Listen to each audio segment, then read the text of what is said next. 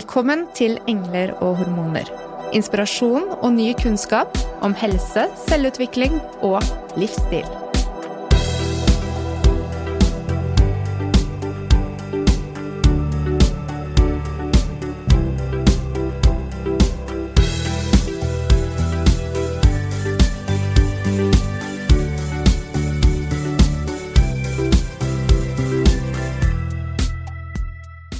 I dag skal vi snakke om hvordan det er å bli gravid, og hvordan det er å få barn, og hvordan det er å ikke ha det bra. Hvordan er det å være trist i svangerskapet, frykte fødsel og bli deprimert når barnet ditt har kommet til verden? Og hvordan velger du å håndtere dette overfor familie, venner, helsepersonell, kollegaer, og hvis du er en offentlig person, overfor de som følger deg på sosiale medier? Dette skal vi lære oss mer om i dag. Velkommen til studio, Sandra Ling. Tusen takk. Jeg tror nok eh, du for veldig mange er en veldig kjent person, men eh, med så mange jern i ilden, kan ikke du presentere deg selv? Oi. Ja, mange jern i ilden, det har jeg. Jeg er jo Jeg er jo artist. Eh, Jeg er låtskriver. Jeg har jo også en egen podkast om Først om graviditet, og jeg ville ta opp noe tabutema som er rundt det. Og nå om, om barsel, og etter at barna har kommet til. Og så um, Jeg er jo låtskriver for andre, det sa jeg, det sa jeg jo, kanskje. Og så eh, blir jeg jo nå eh, forfatter. Barnebokforfatter. Så fantastisk! Ja, det er veldig spennende. Så eh, i Vi er jo eh, signert kontrakt med Gyldendal, og så det kommer fire barnebøker i år. Um, for jeg hadde lyst til å fokusere på Jeg skjønte det da jeg som barn Da var det, det var litt annet. Da, var det ikke snakk om psykisk helse, ikke sant. Men, og det var kanskje ikke den samme samme fokuset på det. Jeg har jo skjønt i ettertid at hvis at jeg kanskje hadde eh, hadde lært litt om det tidligere, hvis jeg kanskje hadde kunne kunne fått lov til å vært sint, eller fått lov til å grått litt som barn, så tror jeg kanskje det kunne ja, forebygge mye. Så derfor så vil jeg lage barnebøker som litt sånn skjult kontekst, for det skal jo ikke bli kjedelig for barn, handler om følelser også. Mm. Ja. Det er en, det er en enhjørning som heter Corny, som, eh, som har et horn i panna som skifter farge for hvordan han føler seg. Ja. Så det er litt målet med det, da, eh, gjennom sånne søte historier, at, at kanskje barn, om de ikke om de ikke kan si at sånn føler jeg meg i dag, men at de bare sier 'Å, i dag er jeg sånn rød, eller i dag er jeg blå. Mm. De bare kan si det, og da er man åpen for en samtale, og da da kan man liksom snakke om det og vise at det er lov å ha alle følelser. Det er det som er hvert fall målet mitt med det. Og til hver bok så kommer det også barnemusikk, så jeg har skrevet barnesanger. Ja, så blir det jo blir det jo eh, konserter og turné rundt det, og juleturné. Ja, for det, det skal jeg også begynne å gjøre. Så det, det, det er mye som skjer. Veldig artig. Åh, så utrolig spennende, Sandra. Og så kom jeg til å tenke på eh, For under denne podkasten som du spilte inn mens du var gravid, så åpnet du jo, i hvert fall sånn som jeg har forstått det, opp om eh, din psykiske helse for hele Norge. Ja. Hvordan var det? Å, herregud, det var jo egentlig Det var kjempeskummelt, for jeg følte at jeg bare skjærte opp brystet mitt, og her er hjertet mitt, vær så god. Mm. Um, jeg syns, jeg syns det var Det var tøft, og jeg gråt masse eh, da jeg visste at jeg skulle gjøre det. Men så, og, men så tenkte jeg at eh, mine følelser satt til side, så kan det her potensielt hjelpe. Og eh, Eller det har jeg sett før. Da jeg var åpen om at jeg hadde bulimi i veldig mange år, så, så var det mange jenter som jeg møtte rundt om Da jeg var jo turnerte rundt i Norge, da var det jo ikke sosiale medier, men det, når jeg snakka med de, så var det noen som sa at at det hadde hjulpet de, at jeg turte å si det høyt til, til veldig mange, da, for det når jo ut til veldig, veldig mange, um, så gjorde det at de turte å si det til foreldrene sine, og da gjorde det at de, de fikk hjelp. Jeg husker den Jeg husker det i bakhodet når jeg fortalte at jeg sleit psykisk og jeg ble gravid, jeg måtte slutte på medisiner og og psykisk helse og graviditet, det har jeg jo ikke hørt noen snakke om. Og jeg prøvde å finne meg frem til podkaster, da hadde ikke dere den her. Um, og det var ingen norske, uh, og det var ingen som snakka om psykisk helse og graviditet, eller hvordan var det med bipolare, hvordan var det med medisinbruk, og, og da tenkte jeg ja, da må jeg gjøre det, da. Mm. Ja.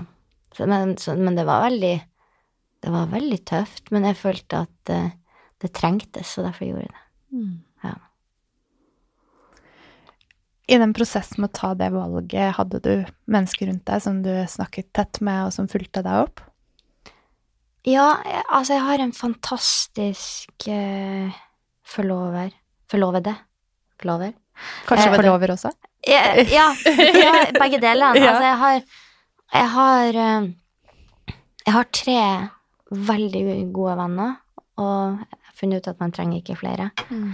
Um, og så har jeg også en fantastisk mann som, som støtter meg. Og, og, eh, og så har jeg, altså, had, gjorde jeg det her sammen med plateselskapet mitt, som heller aldri hadde laga podkast.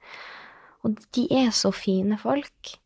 Så eh, ja, jeg ble, jeg ble ordentlig godt tatt vare på mm. eh, da, selv om Ja, men jeg husker at det var, det var skikkelig tøft. Jeg syns det var sårt, men jeg følte at det trengtes.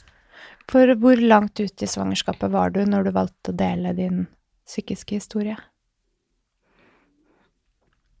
Hmm. Det husker jeg faktisk ikke.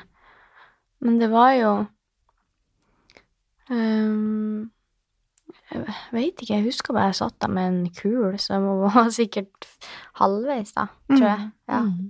Og da hadde du sluttet på medisiner før du ble gravid? Nei, det er jo det som Jeg, jeg hadde jo fått diagnosen bipolar lidelse da jeg var 20, da jeg ble innlagt som 20-åring, for jeg, hadde det så vondt inni meg, så jeg følte ikke at jeg klarte å leve lenger.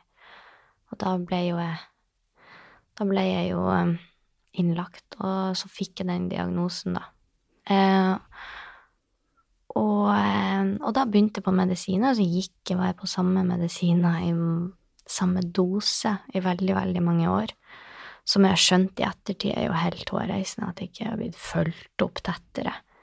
Eh, at ei så ung jente har gått på så mye rart. Um, så jeg gikk jo på fire medisiner daglig som, uh, da jeg ble gravid. Uh, fordi at det som skjedde, var at jeg hadde en psykiater, men han pensjonerte seg akkurat i denne tida. Um, så da hadde jeg liksom ingen å snakke med. Og, uh, og når jeg ikke hadde det, så hadde jeg jo ingen til å gi meg noe konkrete, gode råd heller. Så um, jeg bare googla meg, for det dummeste du kan gjøre, er å drive og google, for du kan jo google frem til kreft uansett. Mm. Men uh, for å si det sånn. Men uh, jeg googla hvordan er det å gå på de her og de her medisinene, og jeg er gravid, og da sto det at barnet kunne få ryggmargsbrokk, det kunne få bli, bli psykisk utvikling Altså, det kunne få ja, store konsekvenser, i verste fall dø, da og jeg, da slutter jeg på dagen. Og det er jo rett og slett farlig for hjernen når det har gått på Elleve år hadde jeg gått på de medisinene mm. med, den, med ganske sterk dose, og så slutte på dagen Det var kjempedumt av meg. Ja, hva skjedde da? Mm, jeg ble skikkelig, skikkelig deprimert og ustabil. Eh, fordi at det, jo, det går jo på hjerne det er jo amygdalaen i hjernen som, liksom, som sender signaler for hvordan man har det. Den ble jo helt i ubalanse, for den, den fikk jo ikke det tilskuddet den var vant til. Eh, nå, nå snakker jeg som om jeg kan veldig mye om det her, men det er jo for at jeg har, jeg har gått kurs og lært meg om det. Men, men eh, ikke ta det jeg sier for god fisk hvis du, hvis du hører på og er, er bipolar, for at snakk heller med en lege. Men det er, det er oppfatt... Jeg kunne bare gå ifra egne erfaring, og jeg fikk det bare rett og slett ikke bra. Ja. Og det er jo temaet, egentlig, for episoden i dag er jo fødselsdepresjon, som ikke bare handler om fødsel, men også om svangerskapet. ja, jeg fikk jo fødselsdepresjon også, og Mm. fødselsangst. Ja. Hvordan var det du ble fulgt opp videre da, når du kjente på denne eh, depresjonen som kom under svangerskapet? Du har jo hatt da en, en psykisk historie som gjør at du kanskje kjenner igjen symptomene ja, litt tidligere. Ja, det som var fint, skulle jeg si, med, med, med gåsetegn, eller hva det heter, det var jo det at det, sånn som de sier, da, med en bipolar lidelse, så er det jo dessverre sånn at du, du blir deprimert. Depresjon kommer tilbake, det er en kronisk lidelse. Så jeg har jo som regel alltid hatt noe som jeg ville kalle vinterdepresjon, for når mørket begynner å komme, så begynner tristheten og tungheten å komme. Eh, og så jeg kjente jo det igjen. Men det som var veldig vanskelig for meg med graviditeten, var jo det Det som er fint nå Jeg har jo lært meg Siden jeg har vært deprimert mange ganger, så har jeg jo lært meg hva jeg kan gjøre for å få det bedre. Det er jo å tillate seg å hvile. Prøve å komme seg på trening, om det er bare så litt. Bare for å få litt av det tilskuddet av naturlige dopamin som hjelper til på, for at hjernen, hjernen har det bra. Eh, Det er å få frisk luft og ikke ha rullegardinene etter hjemme. At du, at du også får sollys, få D-vitamin og eh, gjør det litt rød i kinnene med at du går tur. Prøv å se på Fokusere på de de små, fine tingene som om at hunden din blir glad når du kommer hjem. Altså, jeg har liksom funnet meg sånne uh, små triks, da, som hjelper. Men når jeg ble gravid, så uh, fikk jeg ikke hvilt fordi jeg, fikk insomnia, rett og slett. Jeg klarte ikke sove. Så da ble jo, da ble jo den tatt bort. Og så syntes jeg det var vanskelig når jeg fikk bekkenløsning og, og sånn og skulle trene. Jeg syntes det var vanskelig å komme ut. Jeg følte meg så Jeg følte meg veldig sånn ulekker. Noen ser jo helt fantastiske ut når de er gravide, og, og og jeg, tr jeg trodde kanskje sånn det skulle bli. Jeg skulle få en liten, liten bump, og det skulle, skulle føle meg fin, og det skulle gå greit. Men jeg la jo på meg nesten 30 kilo, så det ble tungt for uh, Tungt for knær og ledd og alt. Ja. Mm. Og så fikk jeg som en, Nå vet jeg jo at det det systa i foten, så det gikk jo halta, og det ble jo enda verre når jeg ble tyngre. Det er Ja. Så da kom, fikk, jeg, fikk jeg gått den turen uten at det var smertefullt, så da var det, jo ikke like like fint. Da var det ikke like send når du har vondt når du går. Mm. Ja. Da kjente du da på en sånn type nedadgående, nedadgående spiral, at når ikke du får gjort det som du Ja. vet at det er godt for deg, så påvirker det gjerne eh, Ja, da ble det jo verre. Mm. Ja. Ja. så nei, så det, var, det var ikke noe hyggelig periode. Ble du fanget opp av helsepersonell i den perioden? Hadde du noen å snakke med som veiledet deg, eller behandlet deg? I graviditeten så hadde jeg ikke det, nei. Nei. Um, jeg hadde jo jordmor. Ja. Um, men jeg var jo også veldig glad fordi at jeg, at jeg var gravid, og at jeg kunne få barn. Jeg gleda meg. Så jeg tror at når vi, jeg var hos jordmora, eh, og vi skulle se på barnet, og hun sier 'går det bra med det', så sier hun jo ja, for da har jeg akkurat fått kjent et spark, eller, eller sett at det går bra med babyen, eller Og, og da er man jo glad i øyeblikket. Mm. Ja. Så det er ikke noe Of- mer enn det i graviditeten, nei. Ofte som, eh, som fagpersoner selv, da, som jo møter mennesker, og ofte kvinner, i i, under eh, graviditet og tiden etterpå, som jo er en sårbar tid, Mm. eh, så er det veldig klassisk det at man kanskje sitter og bærer på noe, og så, og så kommer det gjerne sånn helt, helt mot slutten av en konsultasjon. Mm. Er det din erfaring også, Mona? Ja, det kan det absolutt være. Eh, eller kanskje neste gang man ses. Mm. Fordi at man eh, At man har tid da Så vi jobber jo mye med muskel-skjeletthelse, så vi ser kanskje pasientene våre litt hyppigere enn det en jordmor gjør. Så vi Mhm. har tid til å komme forbi den første samtalen og litt videre inn i hvordan hverdagen er, og spørre om søvn og alle disse tingene som gjør at mer av den totalpakken kommer frem, da. Ja. Og det tror jeg er viktig å ta med seg i svangerskapsomsorgen. Og det, det har jo blitt satt fokus på også, det er at tidligere historikk med psykiske utfordringer sammen med svangerskap er noe som kan føre til at man får større utfordringer psykisk i den perioden og etter fødsel. Mm.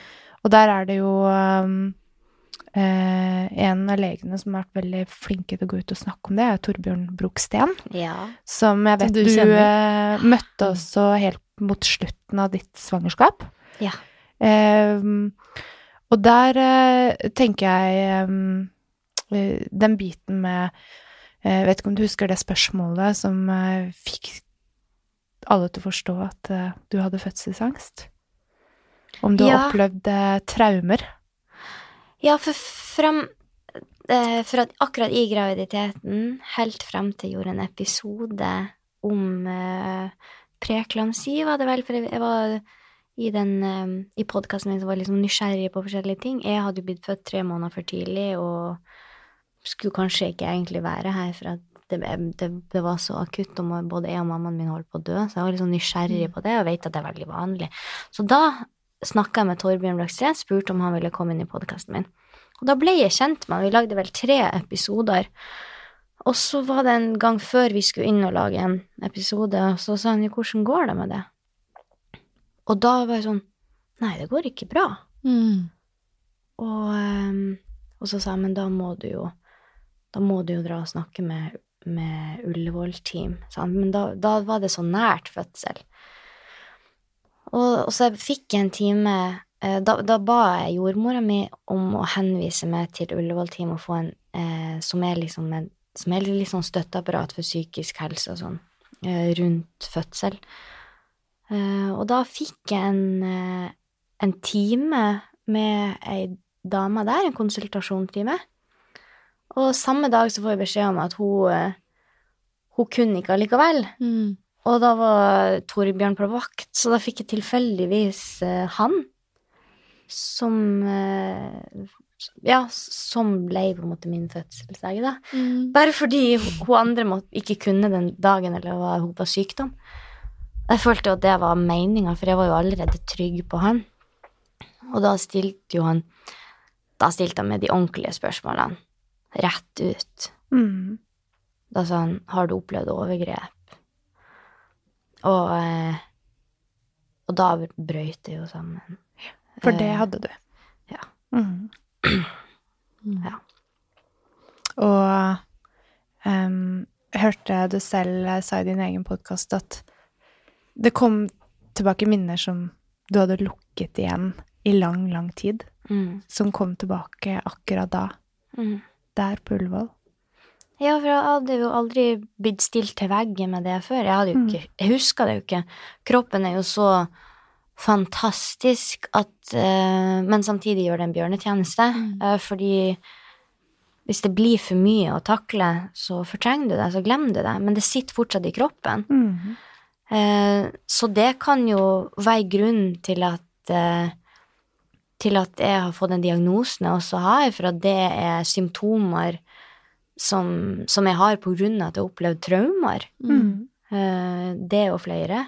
Um, så når han på en måte, rett og slett som jeg sa, stilte meg til veggen, og jeg ble feisa med det spørsmålet, så eh, innså jeg at oi, ja, Mm.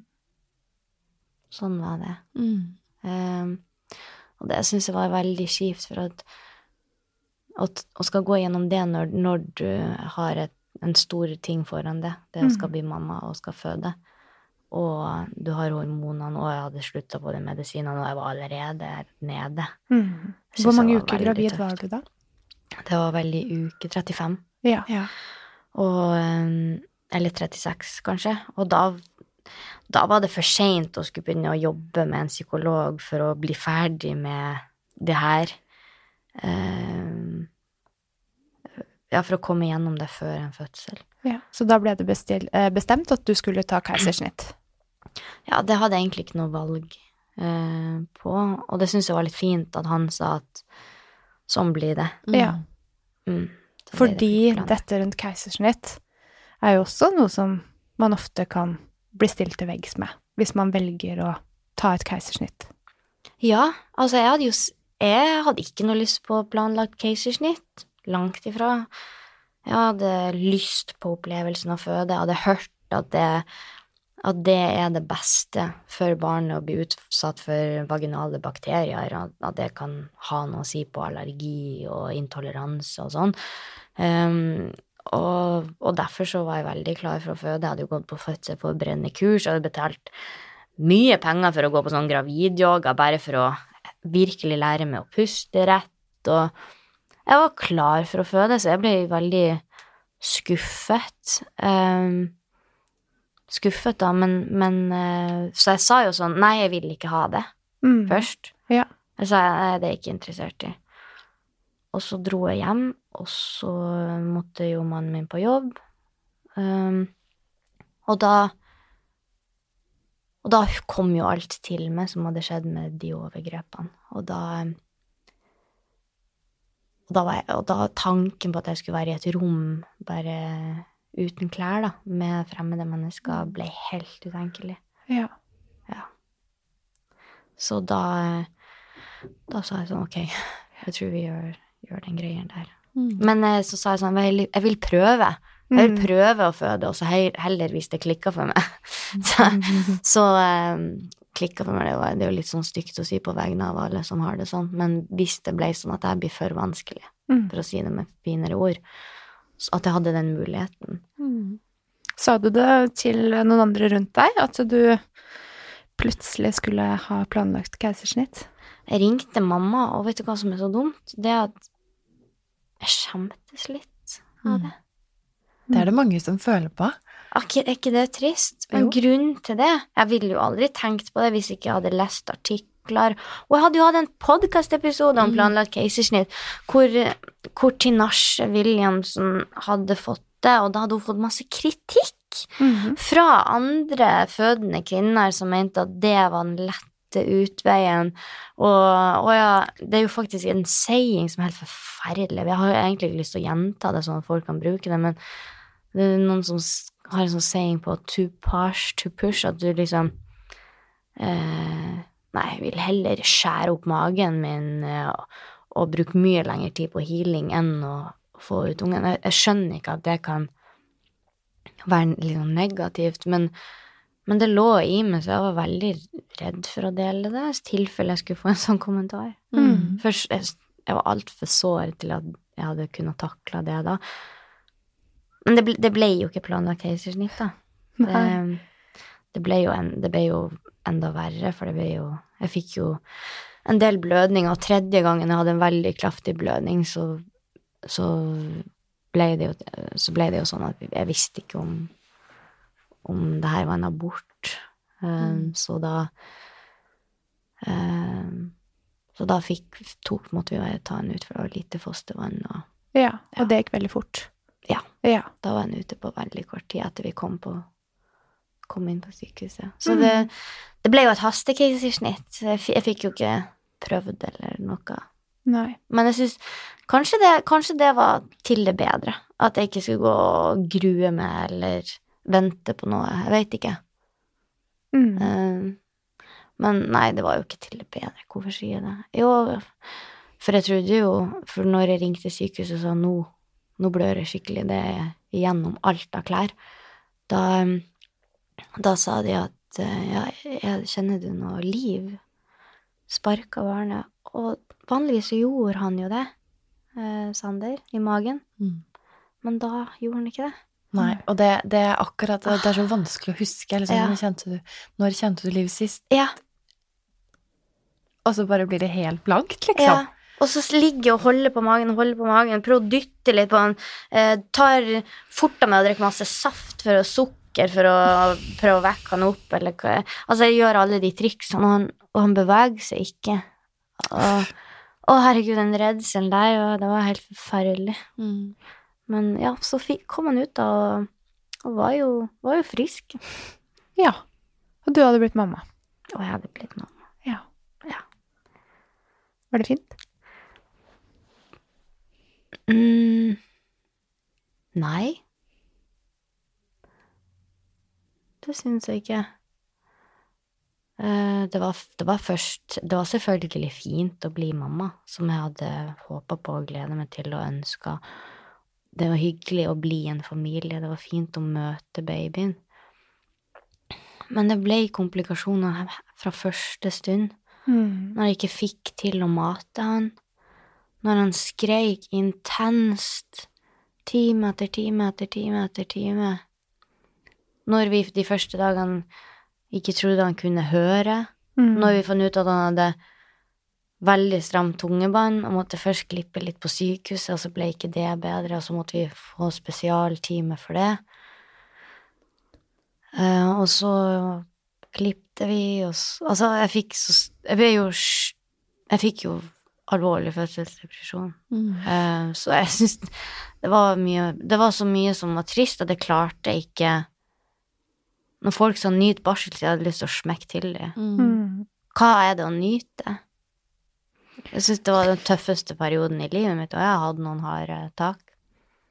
Det er eh, Det er veldig bra at du sier det, Sandra, eh, fordi at eh, bare å trekke ut én av de tingene du har opplevd, i seg selv ville kanskje vært nok for de fleste å kunne si at ja, jeg har hatt noen utfordringer. Men vi snakker ikke så mye om det. Eh, den ammebiten først, da. Hvis jeg bare kan eh, trekke ut det, og alle de fantastisk tapre kvinnene Ja. som vi har møtt opp gjennom eh, tiden, som prøver, og som pumper, og som pumper og har vondt, og, Og som prøver ja. og har sopp og betennelser og prøver all ære. Det er slitsomt. Og noe vi snakker altfor lite om når det kommer til den ammingen, Ja. og eh, hvor vanskelig det kan være å få det i gang. Det er Eh, ekstremt viktig at eh, kvinner vet om at de kan få veiledning, for det første. Eh, Det er en ting som er viktig å si, at ammehjelpen er der for de som kan ta kontakt med de. ja, men Ja. Men eh, det jeg ikke fungerer for, ja. så kan du Ja, kanskje du kan fortsette der, Sandra? Jeg, er jo veldig skuffet over Jeg følte at jeg ikke fikk noe særlig hjelp.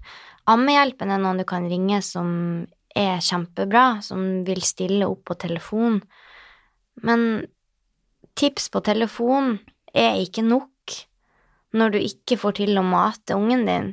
Ehm, du kan jo gå til ammeveileder på sykehuset, ikke sant? Men det er bare de to første ukene. Etterpå så Hva skal man gjøre? Jeg syns det var utrolig frustrerende, for han, han, han hadde så stram tungebånd at han klarte ikke suge, han bare beit, og så fikk han ut et par dråper. Og så måtte jeg pumpe etterpå. Da kunne jeg pumpe to liter. Ja, så du hadde litt overproduksjon i tillegg, kanskje, eller? Ja, ikke bare litt, det vel Det er jo Eh, Det er to jo- liter. Det er mye sånn. Det er mye. Ja, det var i tillegg til at jeg hadde han, så Og så først så hadde jeg jo sånn brystspreng og sånn bryst um, så, Puppene mine ble, ble, ble så store at de ble nesten like stor som gravidmagen min. Mm. Bare to stykk flytta lenger. Jeg kan vise dere et bilde etterpå, dere vil ikke tro at det er sant. Og det var derfor vi var på sykehuset tre dager ekstra, for det ble jo så ekstremt. Og så um, Og så fikk vi jo eh, Nei, fikk jeg Reynaud-fenomen Mm. ut av det, som jeg Kanskje du kan Ja. fortelle hva det er, for det er uh, noe som mange trenger ja, kanskje å vite om at det eksisterer. Ja, eh, det kan du sjekke med hvis og de blir hvit. Men det skal han jo ikke bli. Eh, det, er, det er noe som, heit, som de kaller likfingre, som noen har på fingrene, og, sikkert andre plasser. Det er hvor du, blodtilførselen ikke går frem, Mm. i dette tilfellet til brystvorta. Den stopper opp. Og når det skjer, så er det utrolig smertefullt. Eneste jeg kan sammenligne det, det er som å stå med en lighter liksom under eh, puppen. Og det som er så dumt med det, det er at eh, det er vondt å amme, men det er også vondt etterpå. Du må, være, du må hele tida holde det varmt. Det er vondt å dusje, det er vondt Jeg, jeg kunne drømme hvis jeg fikk sove lite grann. Jeg sov jo bare én til tre timer de første fire månedene. Men hvis jeg, hvis jeg da sov, så hadde jeg mareritt om at puppene mine sto i fyr, for jeg, jeg, da våkna jeg av smerter. Og så fikk jeg jo ja, flere brystbetennelser, og så begynte det å klumpe seg sånn absess, eller hva det heter. Mm. Um, og, og det syns jeg var veldig skummelt, for da var det jo bare tre år siden jeg hadde fjerna svulster fra brystene som de kunne gå vondt i. Så jeg, jeg, jeg syns det var så fortvil, forvirrende, og, og sopp, sånn som de sier. Og det sier man jo ikke, for det høres jo ekkelt ut. Jeg har, jeg har ikke hørt noen snakke om det, men det gjør kjempevondt. Og veldig vanlig. Og ja, veldig vanlig. veldig vanlig, men, eh, men det er vanskelig å bli kvitt, for du smitter jo over til barnet, og så tilbake. Mm. Ja, ja og, så, og så ble det på, Siden han bare tygde, så så jo det ut som kjøttkaker, de her uh, puppene mine, stakkars. Men når Og du tegnet et veldig fint bilde av puppene dine Ja, vær så god, folkens. Nei, så jeg, jeg ga meg etter fire måneder, men jeg, jeg burde gi den med meg en gang. Det er det presset, det er jævla ammepresset. Det er det der at for å være ei god mor, det her trodde jeg da, så måtte jeg mate barnet mitt med brystmelk. Og jeg ville jo være ei god mor, jeg ville jo sette meg selv til sides for at han skulle ha det best. Ehm, men det var, jo, det var jo ikke til det beste for oss, fordi hvis jeg hadde gitt meg tidligere, så kanskje jeg hadde hatt det bedre. Ehm, og, og kanskje det hadde vært ehm, mindre kolikk. Det vet jeg, kan jeg ikke svare på. Det vet jeg jo ikke, men eh, siden jeg hadde så ekstremt overproduksjon, så når han fikk sugetaket, så kom det jo veldig masse. Og da kommer det, med det kommer det luft med overproduksjon. Ja. Så det, det er et tips hvis det er noen ammede kvinner som sliter virkelig med det, har prøvd eh, i flere dager eller uker. Slutt med det. Det går bra, barnet ditt får det fint, du kan enten pumpe hvis du absolutt vil gi brystmelk, men forskning er kommet så langt på hva barnet trenger. De morsmelkerstatningene man får, også, man får også veldig bra melkefri, for eksempel, hvis barnet ditt har melkeallergi. Du får det de trenger, da. Jeg tenker jo eh, Altså hvis, hvis mor ikke har det bra, så, så er jo Det er jo ikke bra. Det viktigste er at mor og barn er sammen, får en ok kontakt. Mm. Hvis det er sånn at ammingen er det som står i veien for det, av alle de komplikasjonene av alle de komplikasjonene som det medfører, da, av smerte og ubehag, og det blir en sånn enorm frustrasjon rundt det. Mm. Eh, så, så er det som du sier, det er så mye annet som betyr så mye. Ja. Mm. Og det går veldig fint med Jeg er oppfostra på morsmelk, jeg har ingen allergier. Mm. Nei, på morsmelkerstatning. Erstatning. Ja, jeg har aldri blitt amma. Ja, siden jeg ble født så tidlig. Mm. Så um, det går fint. Og jeg er keisersnittbarn. Jeg har ingen allergier. Så bra. Jeg, jeg tenker på dette her med tiden etter fødsel at og det er veldig mange som opplever det som man kaller for baby blues, eller barseltårer. Mm. Det er normalt. Det er 60-80% av alle nybakte mødre som gjør På eh, ca. dag tre, ikke sant? Ja. Ja. Sånn at, eh, så det er jo ikke det vi snakker om her, og det er Nei. viktig å fremheve, for det kan alle forvente, og det er også greit å snakke om på forhånd. Mm. Eh, men hvis eh, dette strekker seg over en uke og frem i tid, og man begynner altså å oppleve tunge tanker og over lengre tid, Mm. så snakker vi om, om en barseldepresjon. Og um, det opplevde du, Sandra.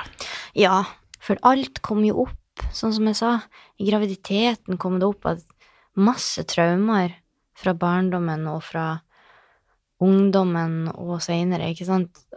og jeg hadde ikke deala med noe av det her, og så skulle jeg bli mamma, og så skulle Som jeg sa, som jeg nevnte i stad, når, når man får en depresjon, så er det sånn Ja, been there, done that. Det, det har jeg kommet meg gjennom, det vet jeg en periode. Mm. Men nå fikk jeg jo i hvert fall ikke gjort de tingene som før har hjulpet. Jeg kunne ikke gå på medisiner engang, eh, som kan hjelpe litt, fordi jeg amma jo. Så jeg kunne ikke gå på medisiner, og eh, jeg kunne Fikk ikke hvilt i det hele tatt, Mm. fordi med Jeg vet ikke om du kan kalle det ekstremt kolikk, men han gråt fra middagstid til morgenen dagen etterpå. Mhm. Så det var rundt Ja, sånn hvor han kun sov et, Sov ti minutter mens vi byssa og sånn. Altså, så jeg, vi fikk aldri hvile. Eh, så jeg ble jo sykemeldt. Og det er en liten digresjon, men jeg har også lyst til å si det hvis det er noen mødre der ute som kjenner de har det mørkt, og de har en partner. Det er mulig å ta ut sykemelding sånn at partneren din kan ta over permisjonen din Mm. tenk, tenk på det. Ta sånn at dere begge kan være hjemme, sånn at du kan få litt hjelp. For det, det var jo Det ble jo ekstra tungt da det hadde gått to uker og mannen min eh, dro på jobb, og jeg ble alene i ni timer. Eh, og da, da var det enda verre, fordi at da, når Sander, som han heter, gråt, så var det jo jeg som måtte ta han på natta, for da skulle jo mannen min på jobb. Han måtte jo ha litt hjernekapasitet, for han jobba i bank. Sånn, så altså, han trengte jo hvile, og jeg skulle jo bære, i anførselstegn, være hjemme, ikke Mm. sant? Så um, Ja, det er jo det som er så vanskelig, for jeg fikk ikke ta de forhåndsreglene som før har kommet ut av depresjon i det hele tatt, i hvert fall ikke da han kom til. Um, jeg fikk ikke komme med på trening, jeg kom ikke ut av huset. Uh, og, og det var fortsatt vondt i foten, så jeg fikk ikke gått noen tur. Og eh, jeg ville jo ikke møte folk, jeg fikk sosial angst. Og det hadde jo, det hadde jo ikke hatt før. Um, så jeg satt jo Jeg satt jo bare hjemme. Og så er det det å spise sunt og vitaminrikt kan også være veldig bra når man er deprimert. I hvert fall få i deg de vitaminene du trenger. Å føle seg litt bedre enn å kun gå i den junkfood-fasen som er veldig lett å gjøre, og ta det som er tilgjengelig. Men du har ikke overskudd til å lage mat når, du er sånn, når du har den barseltida. Jeg hadde ikke det. Og det, var, det som var så fælt nå, det var jo at da begynner det jo å trigge eh, bulimien min, overspisingsforstyrrelsene som jeg ha, hadde slitt med i ni år, men som jeg har vært frisk fra. Eh, så begynte det å komme tilbake, at jeg trøsta meg med mat, for jeg hadde ingenting annet, å trøste meg med. Og da blir mat et slags dop, du blir avhengig Mm. av den maten, da. Og, og da blir det bare enda verre. Det kom i en veldig mørk spiral. Mm. Det var veldig mye Veldig mye mørkt og liksom klage, kla, Klaga jeg nå? Nei, For det er ikke ikke meninga. Jeg er jo bare jeg ærlig. Jeg syns du informerer på en veldig veldig fin måte, og du tar opp så viktig tema. Det som jeg blir litt mer nysgjerrig på, uh, Sandra, det er Følte du noe Og det er kanskje i kategorien for ledende spørsmål, men Mm. man er jo gjerne veldig god på å kjenne på den skamfølelsen, da. Mm. Em, hvordan kjente du på det oppi det hele, med at mannen din skulle uh, være hjemme sammen med deg Ja. fordi at du ble sykemeldt fra din egen permisjon? Jeg følte meg som en skikkelig failure. Mm. Uh, jeg tenkte at herregud, alle har født barn i alle år, og det er millionervis av mammaer der ute som, som takler det her. Hvorfor skulle ikke jeg gjøre det? Eh, fordi sånn det, som jeg har nevnt, så har jeg hatt mange depresjoner og mange harde tak i livet mitt. Men når jeg i tillegg skulle føle meg som en dårlig mamma, Mm. det ble for mye for meg å håndtere. Så ja, det var utrolig mye skam. Og eh, det var, og det var så, og så fælt. Jeg snakka om det i den første episoden på Podepodden som jeg har. Da hadde jeg med meg mannen min på den episoden, og da sier han jo at ja, du var jo for syk til å ta vare på barnet, så jeg måtte jo eh, være hjemme. Og bare de ordene der, åh, det såra. Mm. Det gjør så vondt i brystet. For, for skam, men også liten, sånn ingenting verdt. Det er kjempevanskelig. Det er jo vanskelig å snakke om, kjenner jeg. Men, men viktig. Fordi jeg er ikke et unikt menneske eller et unikt tilfelle eller en unik mamma i denne setningen. Det er veldig mange som har det sånn. Og derfor må det jo snakkes om, og hvilket tilbud man har. Mm. En ting som jeg ikke har nevnt, det var jo det at, at det ble fulgt opp sant? Jeg nevnte at det ble fulgt opp av Ullevål Team fordi jeg var så heldig å få Torbjørn Broksten som fødselslege. Og han nekta å gi slipp på meg når han så hvor vanskelig jeg hadde det. Så, han, så jeg fikk jo litt oppfølging av Ullevålsteamet to uker etter fødsel. Mm. Og etter det så kom jeg til BUP. Og da tenkte jeg nå skal jeg få hjelp. Så dukka jeg opp på BUP med hele familien, da er Sander bare ei uke gammel. Og så sier hun ja, her er Sander pasienten. Og da brast det i tårer. Men hæ? Sier du at sønnen min på ei uke er pasient her? Skal det komme i noen papirer? Skal, det være, skal barnevernet komme og hente han snart for, for at du ser at det ikke er egnet som mamma? ikke sant? Eh, det er jo jeg som trenger hjelp for at Sander skal ha det enda bedre. Men det var veldig på Vi gikk ikke i de dype spørsmålene, eller gikk i det jeg trengte for å ha det bra. Det var mer sånn Hvordan går det som familie? Hvordan er det med amming? Og litt sånn tips rundt det. Og det er jo veldig bra. Eh, og, og det kan man jo også bli henvist til.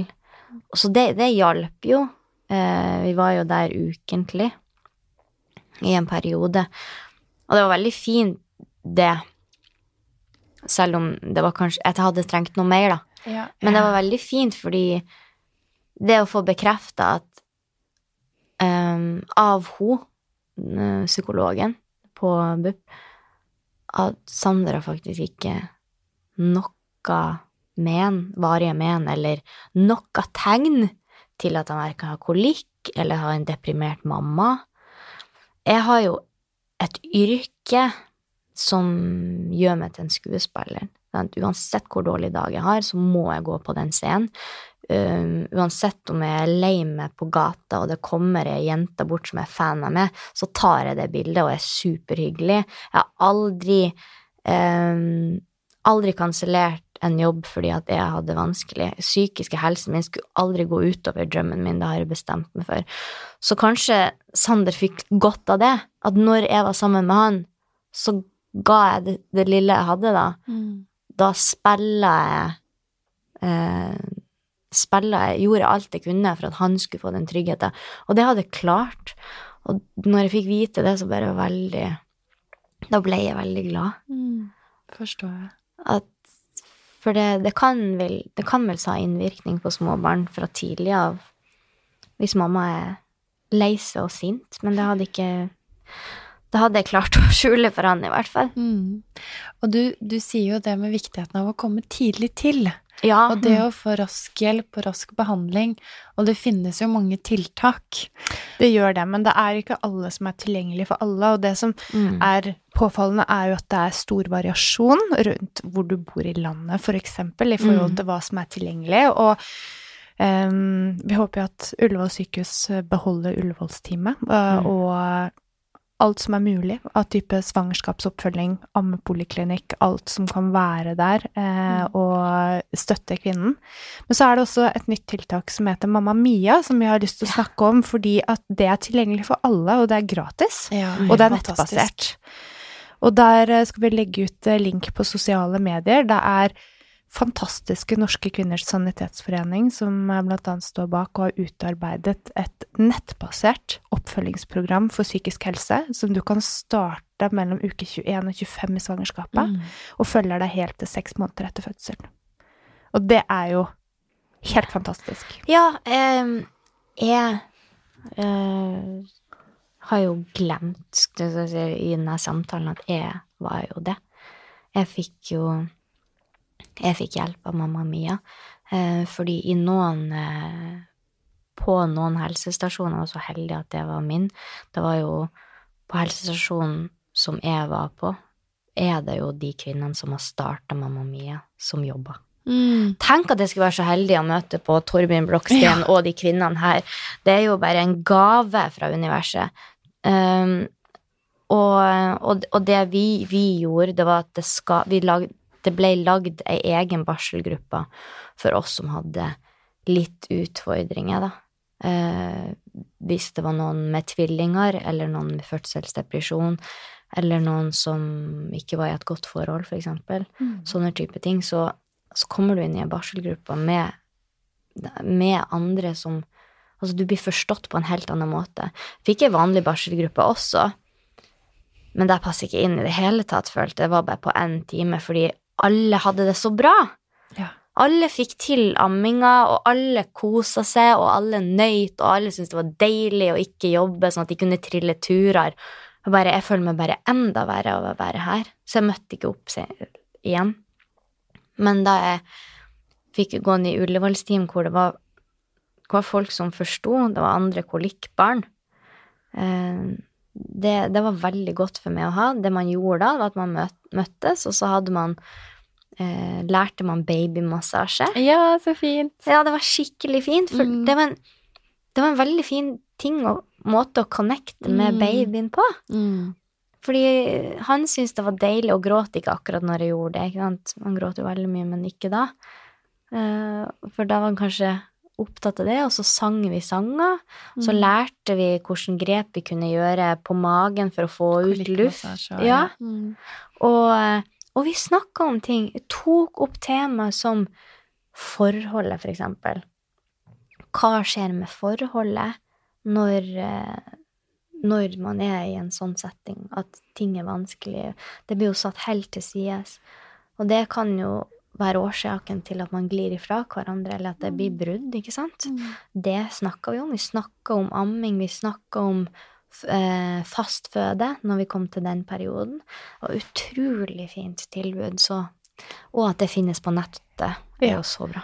Ja. Så vi legger ut eh, link til det i episodebeskrivelsen, så håper jeg at uh, kanskje en av dere der hjemme som sitter og føler deg truffet av noe av det vi har snakket om i dag, uh, tør å gå inn på siden og registrere e-postadressen din og komme i gang med å få oppfølging mm. eh, og søke hjelp. Fordi når vi sitter her nå, Sandra, så tenker jeg på hvor unik du er i ditt liv og din situasjon.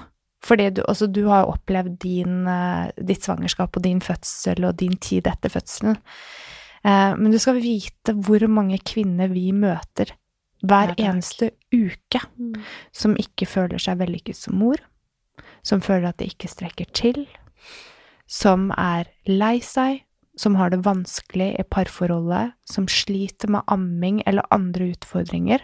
Og det at du reiser deg opp men jeg må si ganske utrolig styrke midt mm. i den hormonelle endringen som faktisk en svangerskap og alt det du har vært igjennom, er, og at du tør å heve stemmen din og fortelle og gi et ansikt da til alle disse utfordringene som jeg snakket om, det er helt fantastisk, og vi trenger flere som snakker om det, og at flere får høre om at det finnes hjelp å få. Mm. Takk.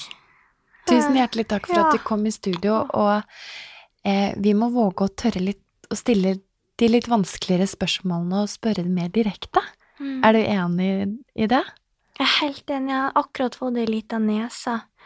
Um, og, um, og, det jeg spør henne når jeg møter henne, det hvordan har du det inni det? Mm. Ikke bare det 'Hei, hvordan går det?' Ja. ja for da mm. er svaret automatisk at det går bra. Men hvordan er det på innsida? Mm. Jeg vet at det kan være tøft. Mm. Kom til meg hvis du trenger, eller ta kontakt med den og den og den og den. Ja. ja. Så um, snakk med hverandre, og så mm. vær med å støtte hverandre hvis du ser at noen har det litt tøft. Ja. Gjør det, og ikke kom uanmeldt på barsel. Ta med deg mat, rydde litt. Si babyen kan få sove litt, sånn Nei, si at mammaen kan gå og legge seg litt, sånn at de kan passe babyen. Åh, søvn. Gjør det. Bare Altså, søvn er den aller største gaven i en barselperiode. Virkelig. Ja. Mm. Det fineste du kan gjøre for noen. Vi må bringe barselgrøten tilbake.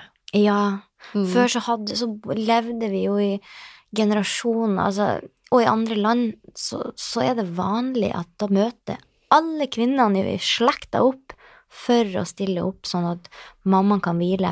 De bare gir babyen til puppen, Mm. og så lager de mat, og så er, er liksom barselperioden Da holder de kvinner hellig. Mm. Mens her i Norge så kommer vi hjem, da, og så etter to uker så sitter du alene. Mutters aleine. Ja, og så Mm. er det faen ikke noe ordentlig oppfølging eller kontroller heller. Jeg har jo laget en episode om det sammen med, sammen med Mona, og da hadde vi med ei som, som også var født i Frankrike, for å se forskjellen.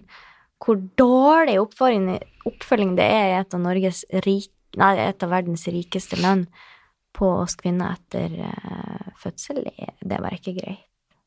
Det er ikke det. Nei.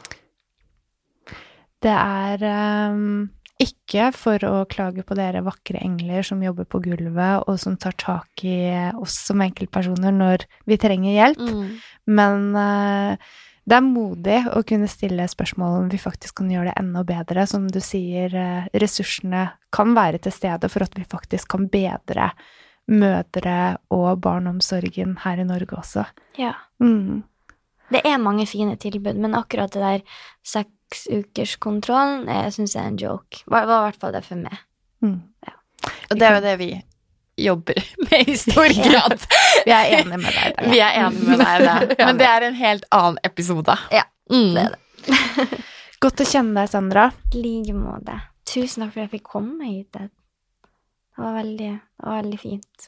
Det syns vi òg. Tusen takk for at Tusen du kom. Og hvis du der hjemme kjenner noen som kan ha ordentlig godt av å høre denne episoden, så del den gjerne. Og har du gjort deg tanker eh, eller har opplevelser som du ønsker å dele med oss i forbindelse med denne, tagg oss gjerne på at engler og hormoner på sosiale medier, slik at vi kan få høre hva denne episoden gjorde for deg. Ha det godt. Ha det.